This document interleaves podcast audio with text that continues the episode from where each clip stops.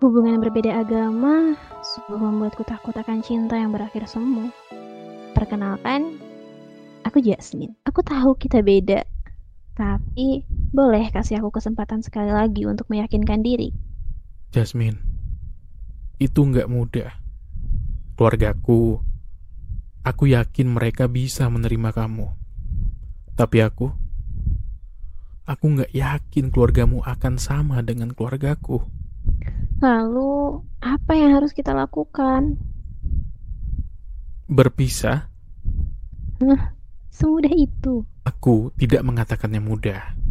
Tapi, aku tidak tahu apa yang harus aku lakukan. Aku ingin kita sama, berdua, menjalin kisah sampai kita tua. Tapi kamu tahu, kita berbeda. Ada dua siluet di antara kubah masjid dan kalung salib yang menjadi cendera mata. Tapi, aku bisa kok ikut denganmu. Andai saja kita jujur dari awal, kamu mengatakan yang sejujurnya, dan aku mengatakan hal yang sebenarnya. Maafkan aku. Lebih baik kita pulang saja. Kita saling introspeksi diri, lalu memutuskan langkah apa yang akan kita ambil. Aku turun dari mobilnya. Lalu, kulambaikan tanganku pada dia yang saat ini masih bisa tersenyum kepadaku. Hati-hati ya. Iya, kamu istirahat. Bayangan tentang kehilangan dia selalu melintas dalam benakku. Waktu seakan terasa singkat. Kebahagiaan kini berbanding terbalik menjadi kesedihan. Jarum jam terus berputar. Sampai aku merasakan kantuk yang teramat sangat. Aku pun memilih untuk segera tidur dan menunggu waktu esok untuk kembali bertemu dengannya.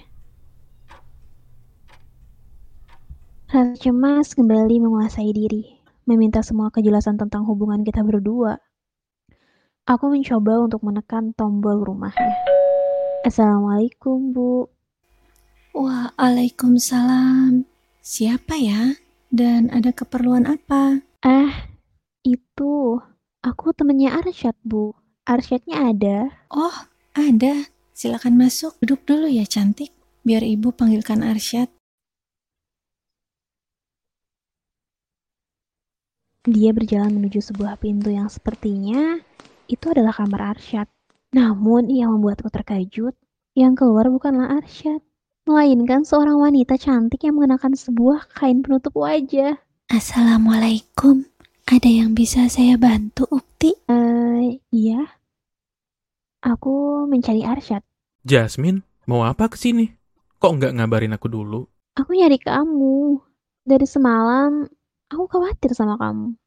Jasmine, maafkan aku.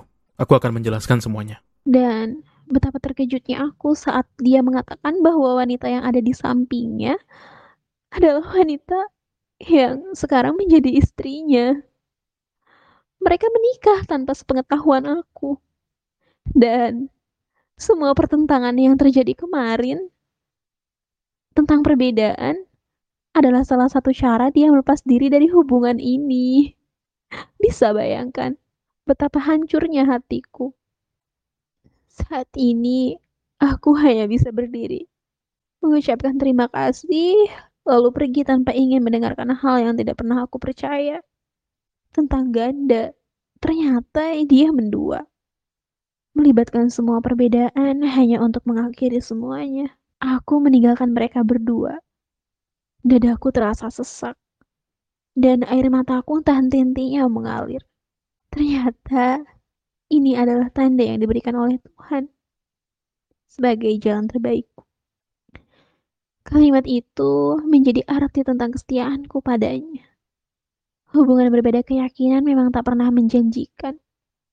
Namun, bukan berarti berujung untuk menduakan.